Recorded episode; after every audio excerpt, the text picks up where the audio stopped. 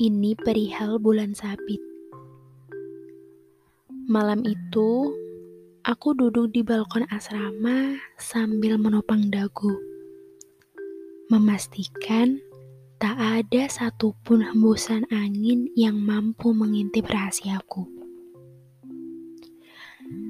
Lalu aku buka perlahan daun basah yang ada di tangan.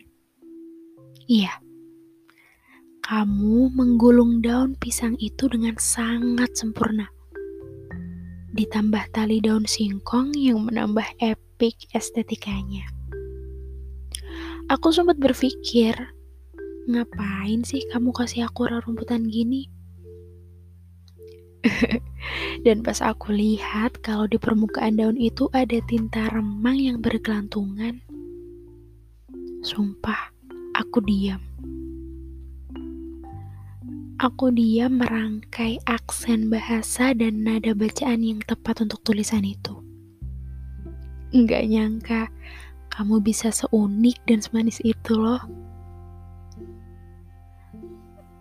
Itu pertama kalinya aku ngerasa seperti tuan putri di castle yang jauh dan sepi yang mendapat surat dari pangerannya.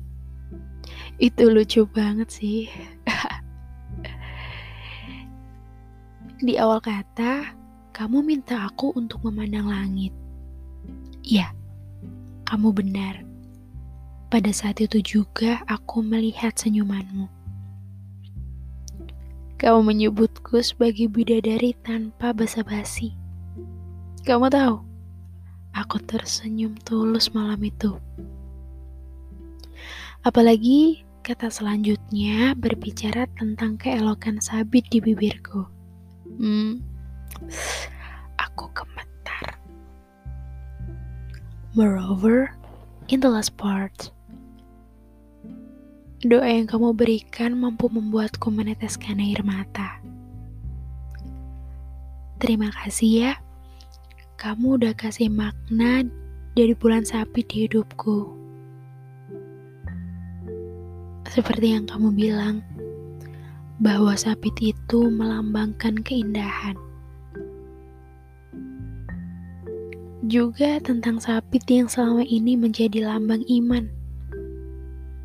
Lalu, hmm, ada pula Quraisy yang menyimpan sejarah Islam. Hmm, bagaimana tentang sabit yang ditunggu-tunggu kedatangannya untuk menyambut Ramadan dan bulan-bulan Islam lainnya? Oh iya, menyambut Idul uh, apa tuh? Idul Fitri juga ya.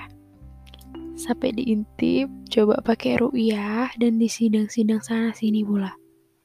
Hmm, sungguh kini aku paham bahwa kamu adalah sabit yang selalu kutengok lewat jendela kamar di setiap harinya. Kamu itu motif moka kafe yang paling aku sukai loh.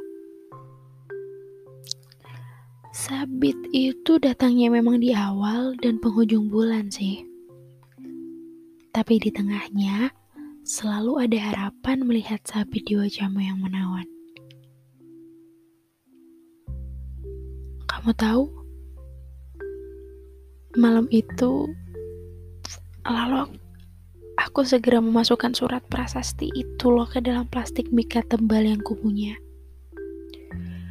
selipkan di sela-sela lipatan buku layaknya parfum lemari rasa green tea. Dan lima tahun setelahnya, aku kembali membuka surat itu di bawah bulan sabit yang sangat memukau. Ya, satu kata untuk malam ini dan seterusnya. Kumohon, bertahan ya.